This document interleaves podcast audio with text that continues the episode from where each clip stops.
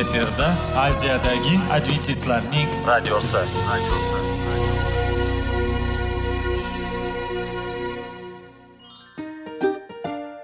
Assalomu alaykum aziz radio tinglovchilar. Sog'liq daqiqasi rubrikasiga xush kelibsiz. Zero tananing sog'lom bo'lishi va uning kasalliklardan saqlash har bir insonning burchi hisoblanadi. Inson uchun bebaho boylik bu sog'liq salomatlikdir. Uni asrash esa har birimizga omonat qilib berilgan. Shuning uchun ham inson o'z sog'lig'ini ehtiyot qilishi voajib amallardan hisoblanadi. Dono xalqimiz sog'liq tuman boylik deb bejiz aytmagan. Aql idroq sohibi bo'lgan inson o'z hayotini qadrlashi lozim bo'ladi. Hozirgi kunda qanchalik dori darmonlar ko'paymasin tibbiy muassa sifati shifokorlar vasiyasi tibbiy texnika yaxshilanmasin. Agar insonning o'z salomatligi haqida qayg'urmasa kutilgan natijaga erishib bo'lmaydi va biz sizlarga bizning dasturimizga xush kelibsiz deymiz.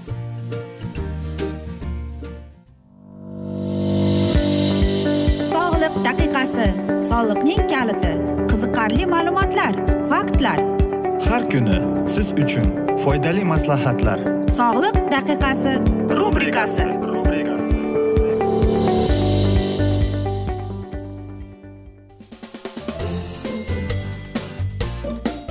assalomu alaykum aziz radio tinglovchilar. Dasturimizga xush kelibsiz va biz sizlar bilan besh daqiqa sog'liq uchun deb atalgan dasturimizda xushvaqt bo'ling deb aytamiz va dasturimizni boshlashdan avval sizlarga aytib o'tmoqchi edimki agar dasturimiz davomida sizlarda savollar paydo bo'lsa whatsapp orqali bizga murojaat etsangiz bo'ladi. Bizning whatsapp raqamimiz plyus bir uch yuz bir yetti yuz oltmish oltmish yetmish aziz do'stlar. Va bugungi bizning dasturimizning mavzusi alkogolizmni davolasa bo'ladimi deb ataladi. Albatta ko'pchilik e, agar mana shunday muammoga duch kelgan bo'lsa mana shunday savolni beradi. Alkogolizmni o'zi davolasa bo'ladimi? Hozirgi zamonda yigirma birinchi asrda juda ko'plab tibbiyot e, yordamlari bor. E, nafaqat tibbiyot balki shaxsiy. Biz aytamizki masalan kodirovka yoki aytaylikki uni yotqizib. Albatta bo'ladi lekin siz insonning ham fikr hayolini bilishingiz kerak. Э, siz qancha harakat qancha umid bilan buni bog'lab uni davolayman desangiz lekin u davolanish e, maskanlaridan chiqqandan keyin yana mana shu ichkilikka berilib ketsa unda foydasi yo'q deb o'ylayman. Chunki insonda o'zida ham xohish ilhom boyida bo'lishi kerak deyman. Va mana shu asnoda o'ylaymanki biz insonlar o'zimizni hech narsa qilolmaymiz lekin qarangki nega deysizmi? Alkogolizm insonning nerv tolasiga shunchalik ziyon keltirar ekanki to'g'ri fikrlash qobiliyatini ham yo'q qilib qo'yar ekan. Ya'ni u agressiyalik bo'lib hech narsa yoqmasdan sotsial tomonlama jihatdan u umuman xuddi haligi yovvoyidek bo'lib qolar ekan. Agar deydi shvetsiyada shunday bir transport bor ekanki ichgan odamning deydi yigirma to'rt soatdan keyin deydi qondagi alkogoli deydi agar deydi nolga tushib qolsa ham keyin deydi bu inson deydi moshina haydashga huquqi bor deydi agar yo'q bo'lsa deydi unday emas agar amerikada esa deydi agar kayfi bor aytaylikki shopir har bir daqiqada deyapti ular qon topshirib test topshirar ekan va umuman olib qaraganda deydi umuman deydi ular o'tirmaydi rulga kayf odam deydi har yigirma daqiqada deyapti va qarangki yana bir narsa borki statistika shuni ko'rsatyaptiki avariyalarning ellik foizi deyapti. Ichkilikning orqasidan deydi. Jarohat desa esa deydi o'n foizni olgan va qarangki qirq foizi deydi o'limning oqibati deydi. Bu ichkilikning oqibati. Va shuning uchun ham biz dam olgani ketayotganimizda ham bu shart emas ichkilik bilan ichib. Yo'q aziz do'stlar. Qanday qilish mumkin deymizmi? Aziz do'stlar bilasizmi?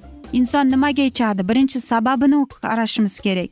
Yolg'izlikdanmi stressdanmi? Yoki uydagi qandaydir bir undagi aytaylikki uyda yaxshi havo emasdir balkim. Ha aziz do'st yana bir ichkilikning sababi bu. To'yga borganda yangi yil xullas kalom e, bayramlar sabab ko'pdir. Lekin har kuni ichsa bu o'ylaymanki qo'ng'iroq.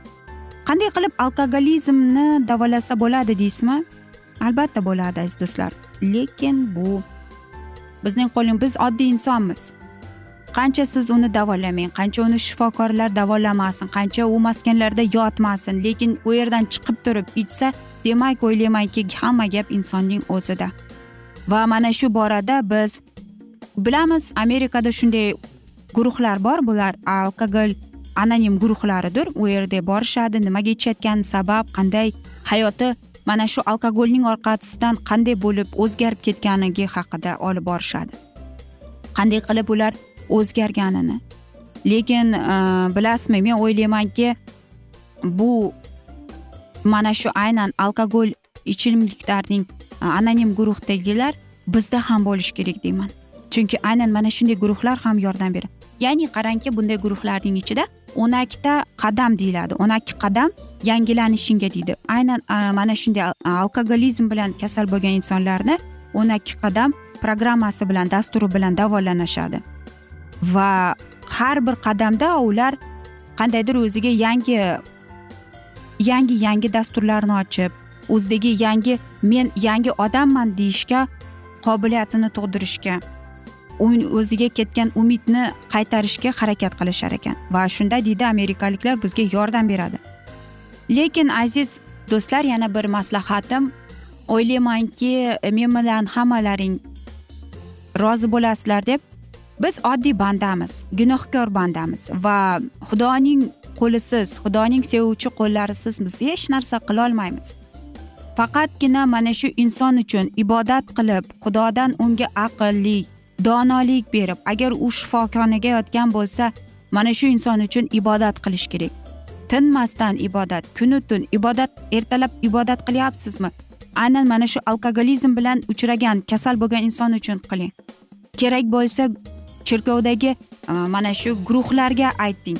Va shundagina sizda kuch qudrat ham bo'ladi. U insonda ham mana shu ichkilikka qarshiligi ko'tariladi. Va o'ylaymanki xudoning sevgisi bilan xudoning kuchi bilan bu inson davolanib ketadi.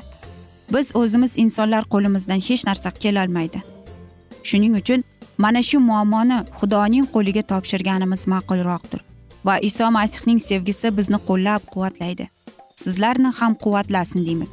Biz esa mana shunday asnoda bugungi dasturimizni yakunlab qolamiz chunki vaqt birozgina chetlatilgan lekin keyingi dasturlarda albatta mana shu mavzuni yana o'qib eshittiramiz va e, men o'ylaymanki sizlarda savollar tug'ilgan. Agar shunday bo'lsa biz sizlarni salomat klub internet saytimizga taklif qilib qolamiz. E, yoki whatsapp orqali murojaat etsangiz bo'ladi. Plyus bir uch yuz bir yetti yuz oltmish oltmish yetmish bizning whatsapp raqamimiz. Umid qilamanki bizni tark etmaysiz deb chunki oldinda bundanda qiziq va foydali dasturlar sizni kutib kelmoqda deymiz. Biz esa sizlarga va oilangizga tinchlik totuvlik sog'lik salomatlik tilab o'zingizni va yaqinlaringizni ehtiyot qiling deb xayrlashib qolamiz.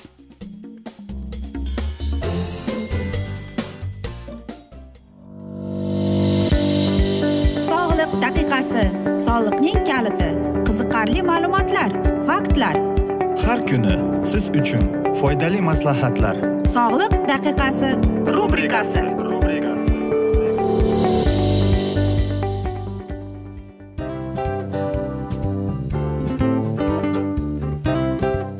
mana ha hayotda hamma narsaning yaxshi narsalar tugaydi va yakunlaydi degandek bizning dasturimizga ham yakun keldi.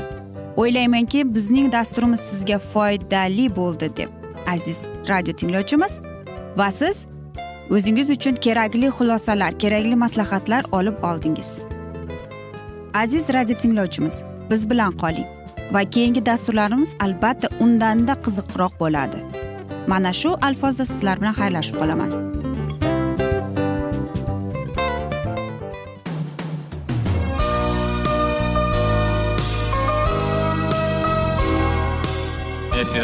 Aziyadagi adventistlarning radiosi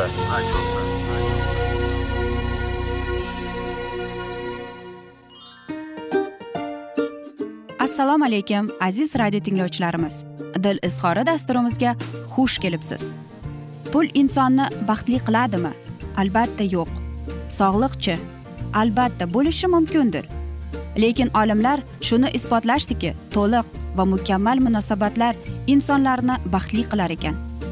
Albatta biz hayot davomida biz yaqin insonlar bilan odamlar bilan aloqada bo'lamiz va ular bilan munosabatlarimiz qanday kechadi qanday tuziladi? Yigit va qiz er va xotin ota ona va farzandlar va yaqin insonlar bilan. Balkim hozirgi vaqtda kimnidir hayoti yoki munosabatlari buzilyapti. Va bizning dasturlarimiz ularga yordam bo'ladi deb. Va oldinda sizlarni qiziqarli intervyular va mavzular kutyapti va biz umid qilamizki siz biz bilan qolasiz deb.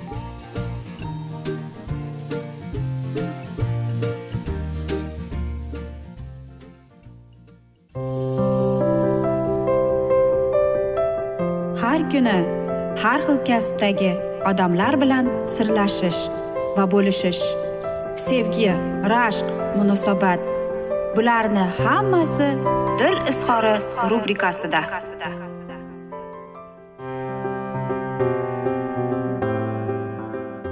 Assalomu alaykum aziz radio tinglovchilar. Dasturimizga xush kelibsiz va biz sizlar bilan ajoyib sevgi deb nomlangan dasturimizda xushvaqt bo'ling deb aytamiz.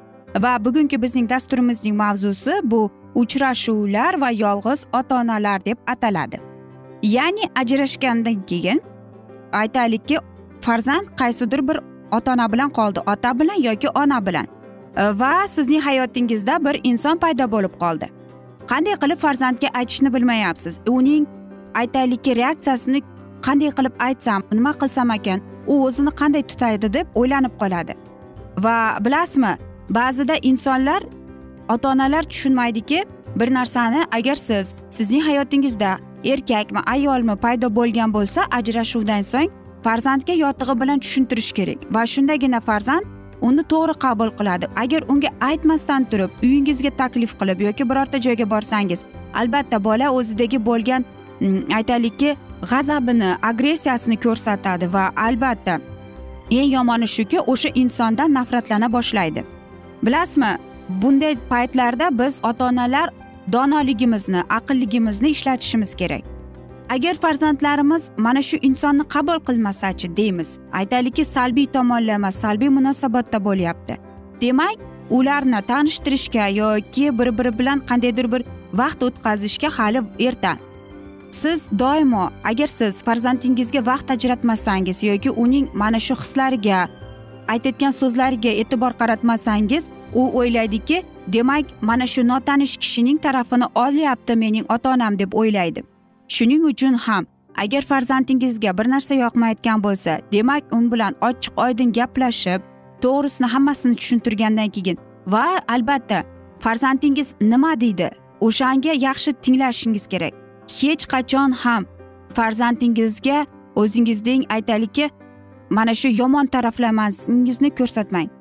Siz lekin shunday unga ma'noda aytishingiz kerakki men xohlagan narsamni qilaman sen meni farzandimsan lekin yotig'i bilan mayin ovoz bilan tushuntirish kerak. Xuddi kattalar kabi siz e, gaplashgandek farzandingiz bilan ham shunday gaplashishingiz kerak. Albatta farzandingiz yillardan yillar o'tadi va u tushunib yetadi nega shunday qilganingizni. Boshida albatta sizga yoqimlisiz bo'ladi. Bilasizmi qanday qilib farzandga aytishni ko'plar shunday ota onalar o'ylanib qoladi. Birinchi o'rinda biz e, shu narsani tushunishimiz kerakki bizning farzandlarimiz qanday? Har bir farzandning o'zining fikri bor va shuni aytish kerakki aytaylikki ota onaning mana shunday shaxsiy hayoti taraflama farzand e, besh qarang besh yoki olti yoshgacha umuman shaxsiy hayotingizga aralashishning haqi yo'q va aynan olti yetti yoshdan boshlab agar aytaylikki ajrashganingizdan so'ng bolangiz yettiga yoki oltiga kirgan bo'lsa va sizning hayotingizda mana shunday sizni sevib qolgan inson paydo bo'layotgan bo'lsa aynan mana shu yoshdan boshlab biz aytishimiz kerak ekan. Va albatta ko'p ota onalar bolasini mana shunday munosabatlardan mana shunday narsalardan himoya qilgisi keladi. Lekin aynan mana shunday oraliq farzand bilan o'sha insonning vaqtida bo'lishi kerak ekan. Hech qachon ham mana shu inson bilan yolg'iz qolishga intilmang. Faqatgina agar bolangiz bilan tanishtirmoqchi bo'lsangiz uni shunday tanishtiringki aytaylikki u inson bilan bolangiz qanday chiqishadi shunga e'tibor bering tanishtirganingizdan so'ng.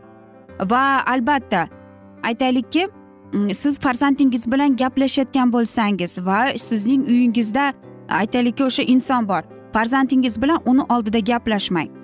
Va qarangki eng asosiysi deydi psixologlar siz farzandingizga aynan mana shu kishi bilan men hayotimni bog'lamoqchiman yoki aynan mana shu kishi menga e, yoqadi meni sevadi deb hokazo hammasini yotig'i bilan tushuntirish kerak. Agar farzandingiz o'zini salbiy tomonlama munosabatlarni ko'rsatib achchiqlanib g'azablanib gapirayotgan bo'lsa u bilan gaplashishga harakat qiling. Psixologlar aytadiki farzand bilan shunday gaplashish kerakki deyapti. Xuddi o'zingiz ardoqlab sevuvchi insonlarga qanday tushuntirasiz?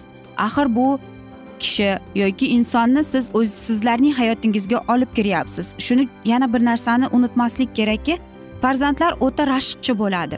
Ya'ni ular siz aytaylikki ajrashib ketgan bo'lsangiz ham ularni ko'nglida tub tubida umid bo'ladi. Mening ota onam yarashib ketadi va mana shunday narsalar va hayotda mana begona inson paydo bo'lganda ana shu insonni ular xuddi tiprantikan kabi qabul qilishadi. Va bu joyda ota onaning nafaqat siz balki ikkinchi turmush o'rtog'ingiz ham e, farzandingizga yotig'i bilan tushuntirib desa yo'q biz mana shunday mana shunday qaror qildik bu otangning yoki onangning qarori deb aytish kerak. Va shundagina bola to'g'ri tushunadi. Hech qachon bolaga umid bermang masalan turmush o'rtog'ingiz bilan ajrashgan bo'lsangiz ha men sening otang bilan yoki onang bilan yashayman balki qachondirda demang. Bola umidvor bo'ladi. Shuning uchun ham hayotda hayotingizga ikkalangizning ichki dunyo deyiladi. Ichki dunyoga siz shu e, insonni olib kiryapsizmi demak farzandingizga o'sha insonga to'g'ri aytib to'g'ri tushuntirishga intilib yashash kerak. Va shundagina siz e, mana shu murosaga kelgan bo'lasiz. E, va albatta farzandlar borasida biz ota onalar donolikni aqllikni ishlatib e, va farzandlarimizning so'ziga katta e'tibor qaratishimiz kerak. Chunki bu bizning farzandlarimiz va bizning hayotimiz. Va farzandlarimizga bizning hayotimizni boshqarishga yo'l qo'ymaslik kerak. Lekin shuni tushuntirish kerakki farzandlar ham bizning muhim rolini o'ynashini biz uchun muhimligini aytib o'tishimiz kerak. Aziz do'stlar biz esa mana shunday asnoda bugungi dasturimizni yakunlab qolamiz chunki vaqt birozgina chetlatilgan. Lekin keyingi dasturlarda albatta mana shu mavzuni yana o'qib eshittiramiz. Men umid qilamanki bizni tark etmaysiz deb chunki oldinda bundanda qiziq va foydali dasturlar kutib kelmoqda deymiz va biz sizlarga seving seviling deb xayrlashib qolamiz.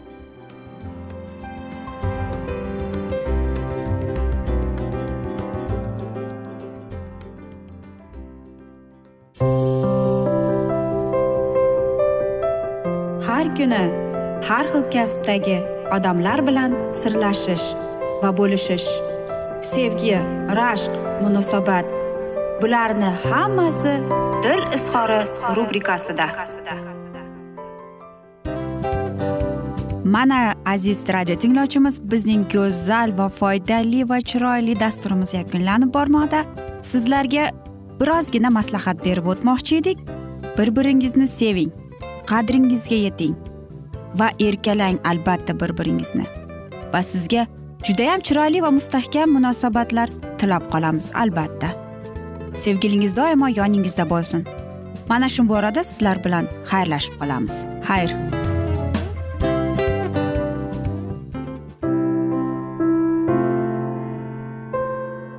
Hayotning noni. Qiziqtirgan savollar va javoblar. Buning hammasi ko'ngil uchun oziqa rubrikasida.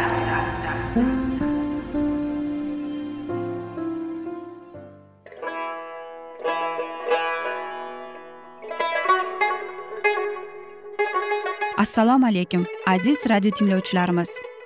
Ko'ngil uchun oziqa rubrikasida xush kelibsiz deymiz. Siz haqiqatni izlayapsizmi? Olamnimi? Umidnimi? Siz kimga murojaat qilmoqchisiz? Odamlar ko'pincha siyosat kuchiga tayanadilar. Dunyo iqtisodiyoti holati tobora chuqurlashib bormoqda.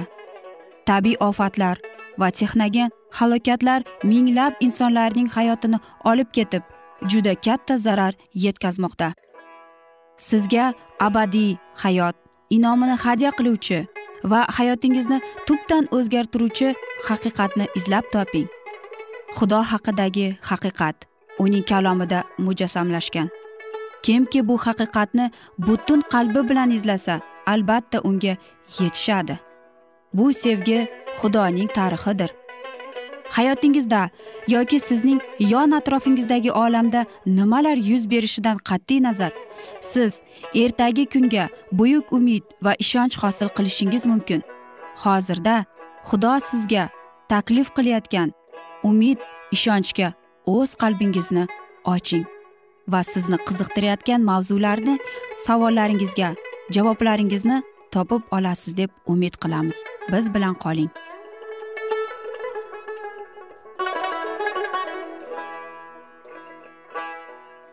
Assalomu alaykum aziz radio tinglovchilar. Dasturimizga xush kelibsiz va biz sizlar bilan ulug' otalar va payg'ambarlar deb nomlangan dasturimizda xushvaqt bo'ling deb aytamiz. Va bugungi bizning dasturimizning mavzusi bu dovudning oliy hikmatligi deb ataladi. Xudovandning ruhoniylari ustidan vahshiy hukm chiqarilishi natijasida faqat birgina ahitub o'g'li ahimalikning o'g'li aviatar kutildi va u dovudga yugurib bordi. Xudovandning ruhoniylarini shoul o'ldirganini to'g'risida dovudga so'zlab berdi va dovud aviatarga dedi shu kunni idumeyalik duak o'sha joyda bo'lganini ko'rib u shoulga albatta yetkazadi deb o'ylagan edim. Otangning xonadonidagi nobud bo'lgan jonlar uchun men aybdorman. Menda qolgin qo'rqma chunki kimki mening jonimni qidirsa sening joningni ham qidiradi. Sen mening bilan bo'lib himoya qilinasan podshoh dovud ketidan quvib unga na orom na panoh berardi. Kiyil shahrida uning jasur askarlari aholini filistiklik asridan qutqarishdi. Ammo shu joydayam qutqargan odamlarning orasida ular bexatar emasdilar. Keyildan chiqib ular zif cho'liga yo'l oldilar. Shu kunlarda dovudning hayotida quvonchli daqiqalar shunchalik oz bo'lganida kutmagandan yonatan kelib uni suyuntirdi u dovudning panoh topgan joyini bilib unga ko'ngil aytgani kelibdi. Ikki do'stning muomalasi qisqa muddatli bo'lsada naqadar qimmatli edi. Ular bir biriga boshlaridan kechirganlarini bayon etdilar va yonatan dovudni quvvatlab dedi. Qo'rqma. Zero mening otam shoulning qo'li seni topmaydi va sen isroil ustidan saltanatli shoh bo'lursan. Men esa sendan keyin ikkinchi bo'lurman va shoul mening otam shuni biladi. Ular xudoning dovudga nisbatan ajoyib g'amxo'rligi to'g'risida gap yuritganlarida horib tolgan qochoqning ruhi ko'tarildi va ular xudovand huzurida o'zaro ahd tuzdilar va dovud o'rmonda qoldi. Yonatan esa uyiga qaytib ketdi. Yonatan kelib ketganidan keyin dovud hamdu sanolar bilan gijak chalib joniga dalda berdi. Xudovand men panoh topdim. Sizlar qanday qilib jonimga deysizlar? Qush kabi tog'laringga uchib ket. Qarang fosiqlar kamonimni tortib pok dilni zulmatga otmoq uchun. O'qlarni ipga qadab qo'yibdilar. Poydevor vayron bo'lgandan so'ng soliq ne qila bilar deya xudovand o'zingning muqaddas ma'badidir. Taxti osmonidadir xudovandning xudovandning ko'zlari ko'rar. Nikohi tekshirar inson o'g'illarin u solihlari fosihlarni sinab ko'rar zo'ravonlar esa uning nafratiga yo'liqar. Dovud keldan chiqib borgan vahshiy elatda zifeylar yashardi. Ular shoul oldiga kifamaga borib odam yuborib dovud panoh topgan joyini ko'rsatib bera olamiz deb podshohga xabar berishdi. Ularning niyati to'g'risida ogohlantirgan dovud tezda o'rnidan turib shu joydan qoldirdi. Maun va o'lik dengiz orasidagi tog'larga bekindi. Yana shoul xabar oldi. Mana dovud in hadya sahrosida shoul butun isroildan en tanlagan erlardan uch mingni oldi va dovud ohular yashaydigan tog'lar kezib qidirib yurdi. Dovudning faqat olti yuz kishisi bor edi. Uning ketidan tushgan shoulda esa uch ming.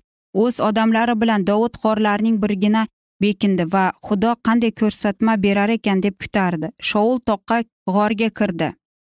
Qulay fursat topildi deb dovudning askarlari shoulni o'ldirishga dovudni ko'ndirishga boshladilar. Podshoh ularning qo'lida edi. Xudoning o'zi dushmanining yo'q. Qilish uchun qanday qilib fursatni berishdan aniq dalil deb tushundilar.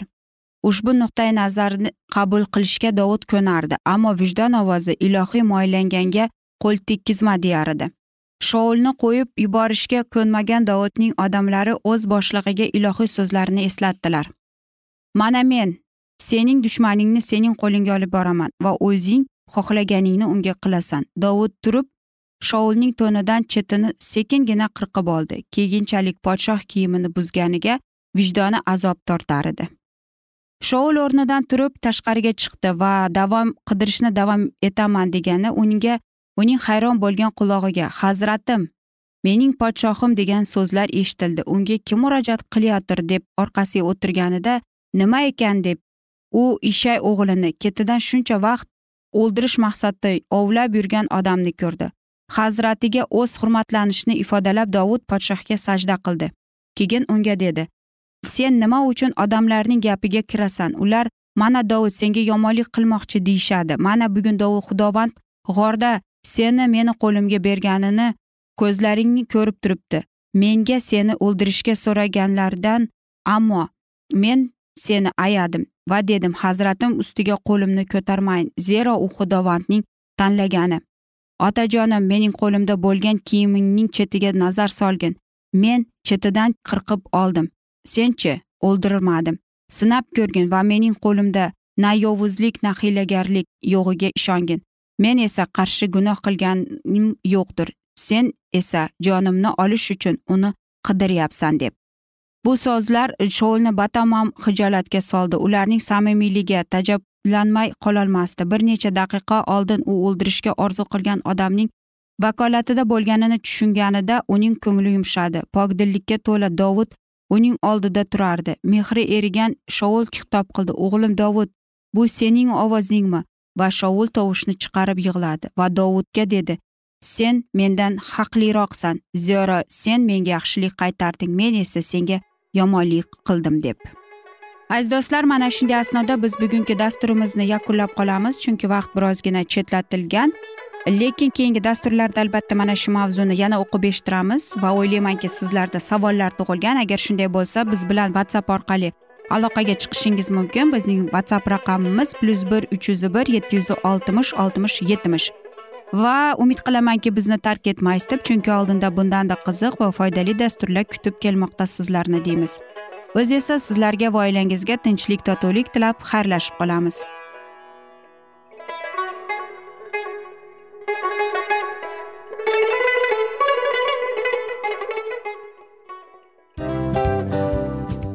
Afsus afsus.